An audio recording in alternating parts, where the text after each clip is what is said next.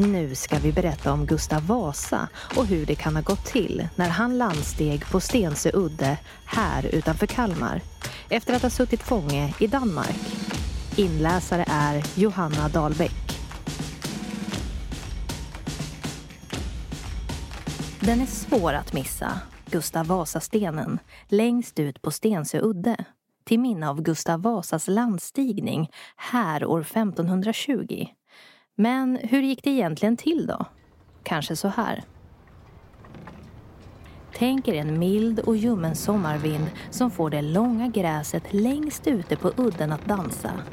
Det kluckar från vattnet, plaskar till, när en liten båt lägger till vid stranden. En ung man svingar vikt benet över kanten och kliver ur. Drar handen genom håret och ser sig om, upp mot Kalmar slott. Det är två år sedan han senast satte fötterna på svensk mark. Men nu är han tillbaka igen. Och den här gången ska han inte ge sig. Året är 1520. Datumet den 31 maj och den unge mannen är den då 24-årige Gustav Eriksson. Han som bara några år senare kommer att krönas till Sveriges kung och ta namnet Vasa. Men om det vet han inget ännu. Eller? Hur ser hans planer egentligen ut den här försommardagen? Varför kommer han just till Kalmar? Med fast mark under båda fötterna låter han sig stanna upp en kort stund. Tänka tillbaka på när han senast var i Sverige, hur lurad han blev då. Det var i samband med slaget vid Brännkyrka utanför Stockholm där riksföreståndare Sten Sture den yngre tog upp kampen mot den danske kung Kristian som belägrade Stockholm. Gustav var med som väpnare och striden satte starka spår i honom, framförallt efterspelet. Sten Sture vinner slaget, men för att kunna garantera kung Kristians säkerhet vid de planerade förhandlingarna i Österhaninge låter Sten Sture honom få ta sex man som gisslan.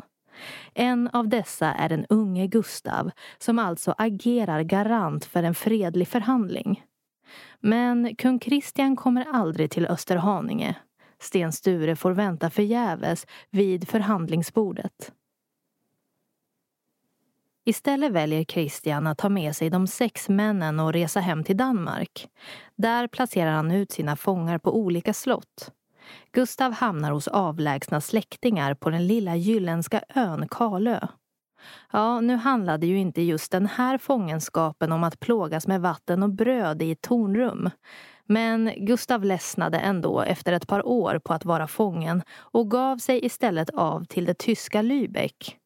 Kanske finns det uppsatta människor där som också irriterats av den danske kung Kristian och som därför skulle vara beredda att hjälpa honom i kampen mot danskarna. Men efter åtta månader i Tyskland med oförrättat ärende får han istället lift med Lübeckska köpmän att ta sig till Sverige igen, med Kalmar som första anhalt. Gustav har nämligen bestämt sig för att fråga Anna Bjelke, hans kvinnliga släkting som just nu styr staden, och försvara den mot Kristians trupper. Hon borde vara minst lika förbannad som han på danskarna och redo att bistå med tillräckligt många knäktar för att i alla fall påbörja en motståndsstyrka. Men Anna har knappt männen nog att fortsätta försvara Kalmar och när Gustav själv försöker övertala knäktarna skrattar de bara åt honom. Nu får de i alla fall mat och husrum. Vad kan han erbjuda? Förbannat också! Han kan erbjuda dem att tillsammans besegra dansken. Är inte det motivation nog? Samtidigt förstår Gustav att han kanske måste arbeta på ett annat sätt för att få med sig folk. De flesta runt honom tycker visserligen inte om Christian, men samtidigt, hur farlig kan han vara? I början av hösten, när också Stockholm har fallit och Christian erbjuder sina tidigare motståndare både amnesti och bjuder in till fest, då är det väl lika bra att lägga gammalt groll bakom sig. Åka till Stockholm för att möta den nye kungen och roa sig i dagarna tre. Knappast. En sak är säker. Efter fångenskapen litar Gustav inte på den danske kung Kristian för fem öre. Så när övriga familjen åker till Stockholm för att delta i firandet väljer han istället att hålla låg profil på familjegodset Räfsnäs utanför Mariefred och undviker på så sätt Stockholms blodbad där både hans far och svåger mördas, mor och systrar skickas till fångenskap i Danmark.